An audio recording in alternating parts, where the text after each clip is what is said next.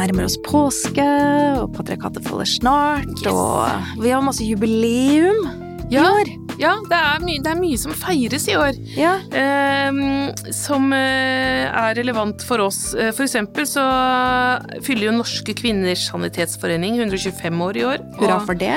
markerer det på mange måter. Og Ottar, kvinnegruppa Ottar, fyller 30 år. Det er også hurra for det. Mm. Og det er jo kjempefint, for vi har jo fått et spørsmål fra en lytter også når det kommer til disse organisasjonene. Med er, hvordan skal jeg vite forskjellen på de, hva passer for meg, hvordan skal jeg sette meg inn i dette her? Og da tenker jeg at da, da var det jo veldig godt å bruke dette som et utgangspunkt, rett og slett snakke om disse to organisasjonene. Ja. Ja. Altså, eh, jeg kan jo begynne Jeg kan gå helt tilbake i tid og si den aller første organisasjonen for kvinners rettigheter i Norge, den het Nemesis. Eh, Den blei dannet av Åsta Hansten, min storheltinne, og hennes eh, venninne baronesse Jakuline Lilje- Liljenkrantz. Det var to damer bare. de, -hmm. de hadde ett mål for øye, og det var å få hevn på en eh, student som het Anton, som hadde satt barn på, på den baronessen. Det var jo, de hadde ting på sin side, altså. Det høres veldig rart ut, men det, Ja, men det var faktisk det fantastiske navnet Nemesis. Ja. They went in with a vengeance, for å si det sånn. Sant? Ja. Nemesis-gruppa. Altså, de fikk med seg masse folk også, da, så det gikk Mm. rundt i gatene, og det var bare så fantastisk. Men eh, det var på 1870-tallet. Så eh, var det ikke noen organisasjoner før da Skuld kom, ti år etter, eh, som jeg sikkert har snakka om før, eh, med disse fem unge første kvinnelige studentene i Norge. Og de eh, lagde gruppa Skuld for å kunne eh, diskutere politikk sammen. Det var jo ikke noe som kvinner drev med, så da måtte de øve seg, for det hadde de jo aldri fått gjort på en, i offentligheten før. Og så varte Skuld bare et par år før den glei inn i eh, Norsk kvinnesaksforening. Som ble danna i 1884, og det, er på en måte, det blir ofte regna som den første kvinnesaksforeningen, da, for det var den første store. Og de holder på ennå. Så når kvinnebevegelsen dukka opp på 70-tallet igjen, da så man jo på disse Da var liksom Norsk kvinnesaksforening, som da holdt på, hadde holdt på siden 1880, de ble sett på som veldig tørre og treige av nyfeministene. Så de nyfeministene starta jo først en gruppe som het Nyfeministene, som eh, etter hvert delte seg jo litt opp, og så ble det Kvinnefronten, som eh, var mer hardtslående og sosialistisk eh, og kommunistisk eh, anlagt. Og så etter hvert så brøyt eh, en gruppe ut av dem, og så ble det Brød og roser. Og så eh, Ottar, som eh, var jubilanten nå, da, de ble jo danna i 1991. Og de var en utbryter fra Kvinnefronten. Mm. Eh, fordi de var uenige om eh, noe porno- og prostitusjonsaksjonisme. Mm, riktig. Og eh, Ottar har jo på en måte tatt de har gått i front, de kaller seg for brøytebilfeminister. Eh, og det er jo på en måte som de sier, ja, vi er upopulære. Eh, folk hater på oss, og eh, liksom til og med feminister sier jo sånn Jeg er ikke Ottar-feminist, altså. Ikke sant? Og til og med liksom de som er enige med dem, tar avstand. Og så virker det for meg som om de nesten at de driter i det. Det er bare sånn, ja det, Ja, noen må stå i front, ja. og noen må ta de smellene der. Ja. Og det er det faktisk Ottar som har gjort. Ja. Og den upopulariteten de har hatt, er eh, rett og slett helt ufortjent. Det på, jeg føler at nå som det 30-årsjubileet, så burde vi begynne å være takknemlige for den jobben de har gjort. For det er ikke småtterier de har stått i. Eh, altså Hadde vi ikke hatt Ottar De er jo mest kjent for sånn antiporno og prostitusjons... Eh, Og stripping. Og stripping. Eh, fordi det er på en måte den Eller det å kommersialisere kvinnekroppen primært, da. ja. Men, men altså, når de var mest aktive på, 19, på begynnelsen av 90-tallet, eller ikke mest aktive, men når vi kanskje hørte mest om dem, da, mm. så var jo stripping i ferd med å bre om seg som bare det i, Norge. Hadde flere, masse strippeklubber i Oslo, ganske mange i Sandnes og Stavanger og Bergen, og toppløsservering. Dette var jo på den tida så var jo sånn eh, lads-kultur fra Storbritannia eh, veldig populært. Mm. man hadde et blad som het Loaded, husker jeg, og det var Oasis-gutta, og det var liksom sånn Alle mulige rockestjerner stilte på med, med sånne toppløse glamourmodeller og liksom hvite striper under nesa, og det var bare så kult, og rock'n'roll og fotball og porno. Og hvis du sa noe imot det, så ble det jo liksom sett på som eh, skikkelig prippen og politisk korrekt. Ja, det var litt på samme tida man også kom i Norge med å ville rett og slett ha mer pornoblader eh, som skulle være litt mer skikkelige, og ville liksom For det er akkurat det derre angrepet mot det prippenheten. prippenheten. At Norge var så prippent. Ja. Ja. Så greia var jo det at øh, folk vil jo egentlig ikke, når man tenker etter nå, så er vi jo litt glad for at ikke det er masse toppløs servering. Eh, Jeg er ganske takknemlig for det, ja. Og disse strippeklubbene var veldig ofte eh, Altså, eh, de som jobba der, var jo veldig ofte henta fra østeuropeiske land. Og det var jo en tynn linje ofte mellom på en måte hvilke jobber du tok på deg, og altså prostitusjonsmiljøet og strippemiljøet og porno. Så det sklei jo litt i hverandre. Det var ofte my veldig mye jenter som ikke Som tok disse jobbene av Det var sikkert noen som tok dem fordi det var kjempegøy, og de hadde alle mulige andre muligheter i verden, eh, men De fleste gjør nok ikke det. Mm. de fleste. Så det at eh, de, de klarte rett og slett å stoppe disse klubbene og denne serveringen, både, både med aksjonene sine, men også selvfølgelig med politikk. Eh, Det blei jo etter hvert bestemt eh, i eh, Bergen at eh, du får ikke skjenkebevilgning hvis folk må jobbe toppløse hos deg, liksom. Og Det burde bra, være et bra minimum av, av forventning, egentlig. Ja. Og sammen med sexkjøpsloven Mm. har jo faktisk kommet som et resultat av at uh, Ottar har Eller ikke bare dem, det er jo selvfølgelig andre som også har jobbet for den, men jeg mener jo at de har virkelig stått i front og ikke gitt seg. Eh, og det har vært veldig, veldig positivt. Mm. Altså, jeg, er, jeg har aldri vært eh, med på noen Ottar-aksjon eller noe sånt, men jeg meldte meg inn faktisk, fordi jeg tenkte at eh, jeg har ikke lyst til å gjøre forskjell, da. Jeg er jo også medlem i Kvinnefronten, og så er jeg medlem i Sanitetskvinnene. og jeg tenker at ja, ja, hvis eh, de vil Man ha meg, så er jeg med. Man kan jo støtte på hele linja, Ja. men eh, hvis man skal være aktiv er ikke med eh, i Unge Høyres kvinnegruppe og sånn, det er ikke alle nei, nei. grupper. Man må støtte det man har lyst til å støtte, selvfølgelig. Men jeg tenker at hvis man har lyst til å være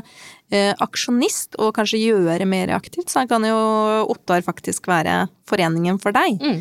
Eh, så det tror jeg. Eller den andre, da. eh, Foreningen som har jubileum, 125-års eh, jubilanten Norske kvinners sanitetsforening. Fordi, eh, som sagt, jeg meldte meg inn der òg. Jeg husker da var det noen som rynka på nesa når jeg sa det. Jeg har blitt sanitetskvinne. Og de bare øh, fastelavnsris og vafler og tombola, liksom. Kan jo si at de er i hvert fall i, den, i det andre hjørnet, muligvis, hvis du liksom eh, skal sette folk Vi er fortsatt i samme rom. Vi er fortsatt absolutt i samme rom, Ja. men det er litt på hvert sitt hjørne. Ja. Og de er nok også egentlig mer venner enn hva de tror. Ja. Ikke sant. Det er jo det som eh, jeg, jeg, Grunnen til at jeg meldte meg inn, var jo at jeg hadde vært rundt og holdt foredrag for sanitetskvinner om kroppspress, fordi at de, de jobber jo med kvinnehelse, og de så jo da at eh, dette her er et stort helseproblem for mange kvinner, så da begynte de å engasjere seg i det for en del år siden nå. Og så så jeg hvor utrolig mye bra jobb de gjør da rundt, for at det er jo sånn, eh, det er jo det mange har lyst til, det er å gjøre noe eh, konkret. De gjør noe aktivt. Ja, Folk spør jo- Mm. hva kan jeg gjøre, hvor kan jeg bidra? Og da vil jeg si at svaret veldig ofte er hos Sanitetskvinnene, altså. Mm. Fordi det de gjør, de, blant annet så de samler jo inn penger til Jeg tenkte av fastelavnsris, jeg, jeg så bare ikke nytten, da. Jeg tenkte hva skal man med det der, der liksom? Men så skjønte jeg at det er ikke det skal ikke være nyttig for meg. Det er pengene det jeg betaler inn, sånn at man kan f.eks. kjøpe et mammografiapparat eh, på et sted hvor ikke de har det. Ja, og det er jo alltid alt det der som vi tror er helt sånn selvfølgelig at staten skal sponse, og så viser det seg at det er ikke det. Nei. Nei. Forskning på kvinnehelse er jo en sånn kjerne i deres virksomhet. Mye av de hullene i velferdsstaten som har ramma kvinner og barn, eh, det er det disse damene som har eh, trådt til og fylt ut, og starter barnehage der hvor det ikke var, og helsestasjon der hvor det ikke var, osv. da. Og nå jobber de mye med integrering, Integrering av som også er kjempeviktig. innvandrerkvinner Ja. rundt i Norge. Superviktig. De gjør en utrolig stor innsats. Jeg må jo si at jeg følte at jeg ble sånn rørt når jeg meldte meg inn i Sanitetsforeningen, for nå er jeg da medlem av samme organisasjon som min bestemor Ja. jobbet veldig aktivt i, så litt sånn homasj der også. Mm. Det var jo Fredrikke Marie Kvam som starta dem da, hun er jo en av de store navna i kvinnebevegelsen. Og de var jo 200 000 medlemmer for noen år siden, nå er det bare 47 000. Eh, Jeg satt i hermetegn, fordi det er fremdeles Norges største kvinneorganisasjon. Men eh, det hadde vært kult, syns jeg, om de hadde fått eh, jeg vet at det er en del unge mennesker med, men det er jo fremdeles likevel alderstungt, da. Så de, rett og slett, folk dør jo ut, altså det er derfor det går så mye ned, ikke at folk melder seg ut. Eh, så, eh, men så tenker jeg at tenk på alle de damene som er politisk engasjert, eller unge kvinner som er politisk engasjert, som har et overskudd eh, til Som, som for eksempel, eh, jeg så noen som hadde sånn aksjon med å sy sanitetsbind til eh, jenter i Afrika, liksom. Altså alt sånn håndarbeidsting behøver jo ikke være dølle raggsokker eh, eller eh, liksom dorullvarmer. Det kan jo være kule produkter. Som kan brukes, og som folk trenger der ute. Ja. Og det er jo liksom, der gjør de også en kjempestor jobb. Og så tror jeg også det der at du har mange lokallag Mm. Rundt omkring i det ganske land, som gjør at man har mulighet til å engasjere seg der hvor man bor. Eh, og man kan også eh, full gjøre noe. Altså være med på disse tingene som de jobber for. Så da sier vi gratulerer, Sanitetskvinnene. Gratulerer, Otta. Hurra. Hurra, hurra, Hurra. hurra, hurra. Du, Ja. har du sett den der Woody Allen-dokumentaren, eller? Ja, det kan jeg si at jeg har. Jeg har sett to episoder av den. Ja. Mm. Jeg har ikke kommet så langt, altså. Jeg har jo lest litt om det, men altså, det er så vanskelig å henge med på Hvis man skal begynne å følge alle de dokumentarene om overgripere i Hollywood, så blir Ja, det den litt lista, mye. altså Etter metoo så har jo det balla på seg. Jeg så den om Harvey Weinstein. Jeg har sett Michael Jackson, det var jo helt fryktelig eh, trist. Jeg har sett Billy Cosby. Eh, dokumentar. Det var helt skrekkelig. Jeffrey Epstein, det var Det er ikke bra, altså.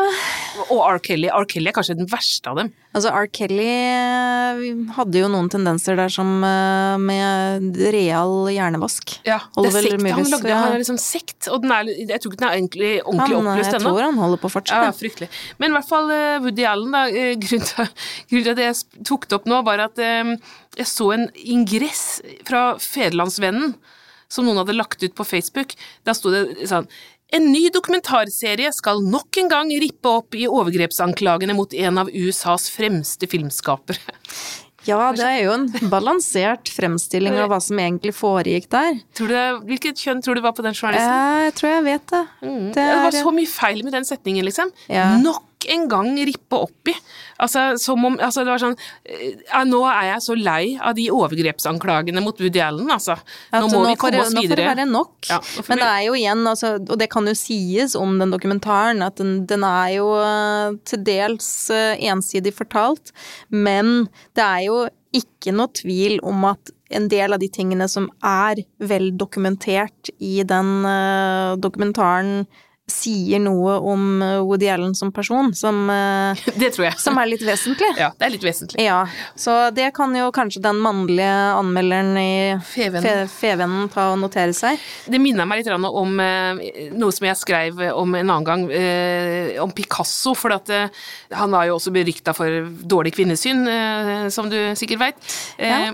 Hadde da et sånn veldig høyt forbruk av groupies da, som vanka på atelieret hans, og de Unge kvinner. ja, som Generelt. han eh, lå med, selvfølgelig. Gifta seg med et par av dem, satte unger på noen andre, og så var det to av dem som tok livet av seg på grunn av han, egentlig. Og, og det er jo det som eh, har blitt fortalt da i noen TV-serier og, og bøker, liksom den siden av eh, Picasso. Eh, og dermed så kom, var det da en fransk kulturkritiker som het Guy Scarpetta, som rykket ut i Aftenposten da, til eh, malerens forsvar for et par tiår siden. Han sa en nylig utkommet biografi over Picasso er full av anklager mot maleren for å ha påført fem-seks kvinner lidelser. Som om det er en selvfølge at dette til sist bør veie mye tyngre når historiens dom skal felles, enn den lykke som Picasso har skjenket millioner av mennesker. Så han bare liksom var sur da over at uh, denne boka tok opp det at han hadde Ja, ja. For vi bare ofrer jo en sånn fem-seks kvinner på øh, kunstens, eller den mannlige kunstnerens alter, da. Fordi at det er verdt, hvis du bare sørger for at han lager litt happiness i andre enden. Ikke sant? Bare, Men det er jo i alle disse sammenhengene, det er jo liksom den der heltedyrkingen og det å opphøye noen til å være et sånt übermensch, da. Mm. Eh, eller kanskje heller si at en dokumentar eller en biografi kan vise hele mennesket, da. Ja, for hvem gidder å lese en eh, Altså, eh, han fyren her, da, eh, som sa det, ville han heller lest en bok som bare snakka pent om Picasso? Ja. uh, selv om ikke det er sant, uh, er ikke det kjempekjedelige bøker? Eh, selv, om er, selv om det er din helt-helt, hvis jeg leser en bok om Simone de Beauvoir, og jeg digger jo henne, så er det ikke sånn at jeg høre at bare grei. Mm. hører at hun var fantastisk for, uh, grei hele tiden. Det, er, man vil, det er jo ikke det. Du må bare stryke alt der hvor hun eventuelt skulle ha oppført seg på en kjip eller upassende måte, så, så blir det en mye hyggeligere dokumentar eller biografi. Og så tenker jeg jo at disse fem-seks kvinnene som han har påført lidelser, har jo like stor rett som Picasso egentlig til å få sine historier fortalt. Det tenker jeg også nå med eh, Woody Allen. Hun dattera har jo like stor rett til å få sin historie fortalt også. Mm. Man kan ikke si at nei, nå er jeg lei av, av dette. Nå er jeg lei av at alle skal ha sin historie fortalt. Men det er jo også sånn på tal om Aftenposten, da. Mm. Så, så litt nyligere Sa du med sånn forakt? Det sa jeg med forakt, fordi at eh, Aftenposten. Aftenposten Nei, eh, det er en kommentar fra Dagsavisen, faktisk, som eh, handler om den nye TV-serien Delete Me. Ja. Eh, og det er Selma Moren som har skrevet en fin kommentar her, fordi eh, der presterte jo Aftenpostens anmelder å si at denne TV-serien handler om ufrivillig porno.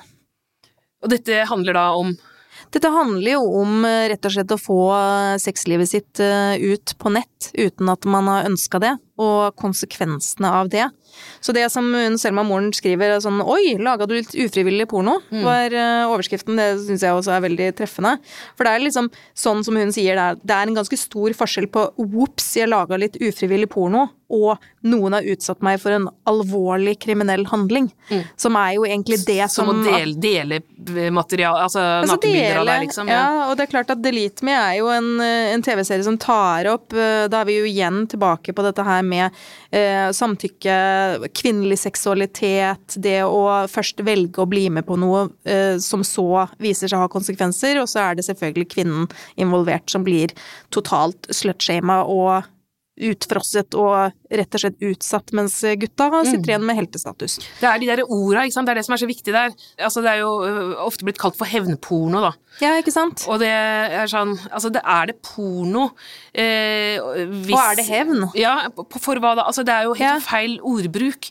Man fokuserer da ikke på ø, overgrepet, da, som det faktisk er. Det, det minner jo om den debatten som jeg har sett nå i forbindelse med disse eh, titlene som nylig var Barn selger eh, nakenbilder av seg selv og tjener penger på det. Eh, det var flere som skrev det, blant annet så sto det på NRK, de fikk kritikk da, og fokuset var hele tiden barna som selger dette. Ja, ikke sant? Så sånn, eh, kanskje fokuset burde være Fy seg de barna som Ja. holder på sånn. håpløse unger, ass. Ja, ja. Du, unger. Har gått med avisen sånn som alle andre. Ja. Holder på å selge nakenbilder. Drittunger.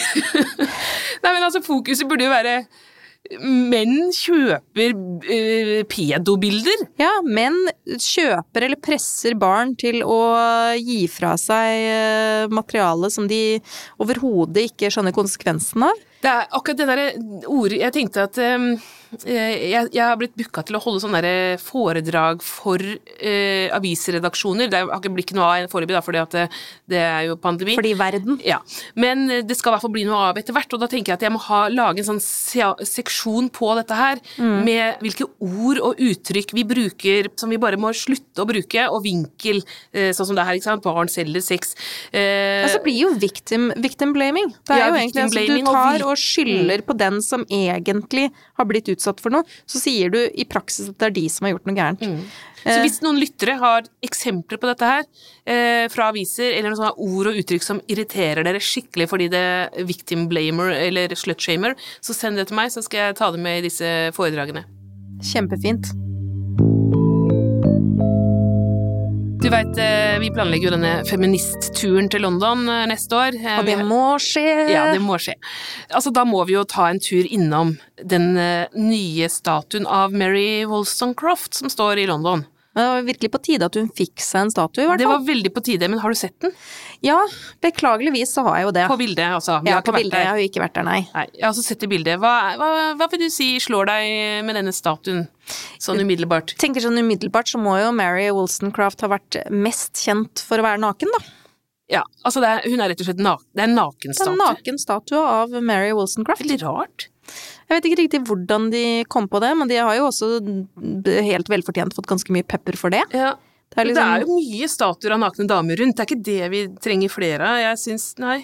Nei, men du hadde jo liksom hele den derre Ekeberg skulpturparken-ideen til Christian Ringnes. Mm. Eh, hvor hans opprinnelige idé, som folk var veldig lite begeistra for, var jo at det skulle være en skulpturpark til med da en hyllest til kvinnekroppen. Ja. Sånn at det skulle være egentlig For den er jo så vakker. Ja, den vakre kvinnekroppen, det er jo det vi helst vil hylles for, er jo de vakre kroppene våre. Vi vil ikke ha navn, vi vil ikke vite hvem, det skal bare være en sånn generell kvinne. Ja, generell kvinne Mm. med en vakker kropp, og det skal vi fylle en hel park med. Og nå ble det jo heldigvis ikke sånn. Nei, Nei. den er blitt dritfin, det må, vi, det må vi jo rett og slett bare innrømme. Ja, der ble det jo Parken også er dødsfin, og det er så mye bra kunst der. Og det er masse kvinnelige kunstnere som også har utstilt der, så det ble jo en mye bedre balanse. Ja. Men tilbake til Mary Ja. og nakenstatuer i London. Eh, Mary Wollstonecroft, jeg har lagd en tegneserie om henne som kommer eh, til høsten i uh, nyboka, så jeg er sånn veldig pålest på, på henne. Uh, og den serien har liksom tittelen 'Slutshamingen av Mary Wollstonecroft', og det er på en måte litt det som er trist her. Så jeg føler jo liksom at hva, hva gjør vi nå? Ja, hun blei jo på en måte slutshama i sin samtid og etterpå, og så kommer denne statuen, og så er hun naken. Men i hvert fall, eh, hun var jo en eh, filosof og forfatter fra England som eh, var med i et sånn eh, litterært veldig radikalt miljø eh, på slutten av 1700-tallet. De var opptatt av frihet, likhet, brorskap, for dette var jo samtidig med den franske revolusjonen, og det var Men det var nye tider, og de, ha de ville ha revolusjon. De ville at den franske revolusjonen skulle spre seg, ikke sant. Eh, men altså, hun vokste jo opp uten skolegang, for at det var Det var ikke for jenter på den tida. Eh, unge kvinner skulle jo da bare egentlig sitte på rumpa og vente på å bli fridd til, da, i hennes mm. klasse. Eh, men hun var jo ikke noe opptatt av det. Hun sa som 15-åring 'jeg skal aldri gifte meg'. Hun ville ut, hun ville gjøre noe helt annet enn alle andre. Prøvde seg i yrkeslivet. Som eh, guvernante var hun, selskapsdame var hun, og lærerinne og sånne ting som var mulig for henne å bli. Fantastiske yrkesmuligheter på den tida der. Det var mye å velge. Det var det som var å velge. Hun tok de tre som var å velge Så hun var blitt ferdig med de tre. Ja, da Så fant hun ut at eh, hun ville heller bli forfatter. Riktig. Og det var veldig få damer som skrev, under, som skrev selvfølgelig i det hele tatt, men som også skrev under eget navn. Eh, men eh, hun sa jo da, hun skrev et brev til søstera si, jeg skal, jeg synes det er så fint, jeg forsøker å bli den første i en ny slekt. For søstera sa det er jo, dette er jo helt uvanlig å gjøre for som dame, hun, skal, hun vil være den første i en ny slekt. Og da mente hun ny kvinneslekt, da, som da, eh, den, den nye kvinnen. Hun så på seg selv, hun var så bevisst liksom, i begynnelsen av 20-årene at hun skulle være en representant for den nye kvinnen. Og fikk jo da i 1792 eh, gjennombruddet sitt som forfatter med boka Et forsvar for kvinners rettigheter. Det er jo hovedverket. Og der går hun eh, i strupen på Rousseau, som hadde veldig ledende rolle den gangen, og innenfor pedagogikk blant annet. Han var jo veldig opptatt av at eh, kvinner skulle, eller jenter da, skulle læres opp til sin viktigste rolle i livet, og det som er å behage menn. Og det var på en måte, det skulle skolen, de første, de skulle ikke ha så mye skolegang, men den lille skolegangen de skulle ha, skulle gå på hvordan eh, oppvarte menn. Eh, og så går hun mot det selvfølgelig og sier at hvis jenter får samme skolegang som gutter, så vil de faktisk kunne oppnå det samme og ha samme intellektuell kapasitet. Hun var inne på noe der. Hun var inne på noe. Ja, viser det seg. Men uh, dette var jo så radikalt at den boka blei jo ja, skandale og sånn, og det blei sånn arrangert offentlige debattmøter rundt uh, for å diskutere Ikke sånn for å liksom Sånn som Det er bra med offentlige debattmøter om en bok, høres det ut som, men det var bare for å slakte boka og forfatteren. Og eh, liksom Hun blei eh, kalt kjønnsløs, maskulin, ustabil osv., da. Så hun var eh, helt skandalisert. Hun reiste til eh, Paris for å være med da i den franske revolusjonen. Var jo på en måte allerede eh, utstøtt fra det gode selskap. Skrev en ny bok om revolusjonen, hvor hun tok et sterkt oppgjør med den voldelige mannskulturen som oppsto der, da, for det ble jo ikke noe bedre etter revolusjonen, det ble bare verre. Nei, ja, det ble jo ikke så mye søsterskap i det brorskapet, for å si det sånn. Nei, det Nei. var det. Eh, Men i Paris så skjedde det en fin ting, for hun traff en amerikansk kaptein som het Gilbert Imlay, eh, og de ble forelska. Så flytta de til Le Havre, som ligger litt nord i Frankrike, og hun fødte sitt første barn. Og det var romantisk en liten stund, da, men så viser det seg at den, han var den store kjærligheten hennes, men han, det var ikke motsatt, da. Han var også en luring. Ja, så han lå rundt med andre damer og stakk, eller ville ikke eh, ha familie likevel. Så hun var jo da plutselig en skandalisert feminist eh, og alenemor. Eh, dro tilbake til London.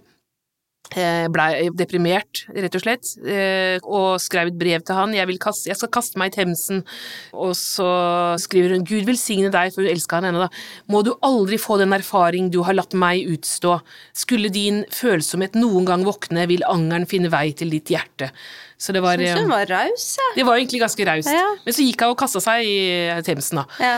Eh, og så kom det en mann og dro henne opp. Eh, så skriver hun da når hun kommer hjem igjen Jeg har kun én sorg. Da dødens bitterhet var passert, ble jeg umenneskelig brakt tilbake til live. Og elendigheten. Hun var veldig, veldig lei seg for at hun ble redda. Men eh, så kommer hun tilbake igjen etter hvert i dette miljøet hun hadde vært en del av, dette radikale litterære miljøet. Her treffer hun en ny mann, filosofen William Goodwin, som hadde lest alle bøkene hennes, og som eh, var eh, så betatt. Og, Hun er skikkelig fanboy, faktisk. ja, veldig. Han syntes hun var helt genial, og de ble sammen og flytta sammen i et sånn eh, hus som ble kalt The Polygon. Det hadde to innganger og to leiligheter i samme hus, sånn at eh, de kunne beholde sin eh, hver sin eh, altså uavhengighet. Høres ut som en drømmesituasjon, nærmest. Veldig. De kommuniserte via brev. Jeg tenkte så praktisk. Ja, ja. Vegg i vegg, liksom. Mm. Ja. Eh, hun ble jo gravid igjen, og under denne fødselen av sin andre datter så fikk, det ble det komplikasjoner, og hun eh, blødde i hjel. Døde i barsel, da. Veldig trist. Veldig trist. Dattera var jo Mary Shelley, som skrev Som da-da-da, Frankenstein. Eh, William Goodwin var knust av sorg når kona døde. Eh, når jeg sier kona, de gifta seg faktisk, selv om hun hadde sagt at hun aldri skulle gifte seg. Det, de gjorde det bare av hensyn til dattera, og var veldig opptatt av det. da, at det var mm, eh, ikke For begge to var egentlig mot ekteskap, da. Men eh, så skriver denne sørgende enkemannen en bok om sin kone. Eh, og han ville henne bare vel, og bare ville fortelle om hennes liv og, og sånne ting. Men eh, da skriver han jo liksom om at hun hadde prøvd å ta selvmord, og hadde hatt psykiske problemer, og fått en datter utafor ekteskap før, og sånn. Eh, så dermed så blei hun enormt skandalisert igjen etter sin død. og da, de, da begynte forfatter å skrive sånn nidvers om henne, og de satte opp teaterforestillinger for å liksom vise liksom hora og som kast... Ja. Så, uh, så dermed så jo, var det jo helt uanstendig på hele 1800-tallet å lese bøkene til Mary Wollstonecraft, fordi hun var jo eh, sløtt. Eh, men så begynte noen, da, eh, Elizabeth Cady Stanton for eksempel, og Emma Goldman og Millicent Fawcett, sånne store eh, navn i kvinnebevegelsen, å plukke boka opp etter hvert og løfte henne fram, og så blei hun dermed en slags sånn gudmor eh, som sirklet over den nye kvinnebevegelsen, som hun aldri fikk eh, se noe til selv. Nei, men det er jo Hun fikk jo lagt noen steiner, da. Virkelig. Ja, så uh, tusen takk til Mary Wollstonecraft. Så håper jeg at hun får en eh, statue etter hvert med klærne på. Ja, Kanskje Det- det, det kan vi gjøre på den turen. Kanskje vi skal kle på jakke. henne? Ta med en liten jakke. Ja, vi, det kan vi, vi kan Det er finne jo på et eller surt i. London også, så Ja. bare en sånn liten strikkejakke tar vi med. God idé. På podkasten Patriarkatet faller av og med Marta Breen og Anette Garpestad, utgitt av Agenda Magasin. Ansvarlig for lydteknikk og musikk er Margarita Krimici. Du finner Patriarkatet faller på Facebook, Instagram og Twitter. Og du kan sende oss en e-post på patriarkatefaller at gmail.com.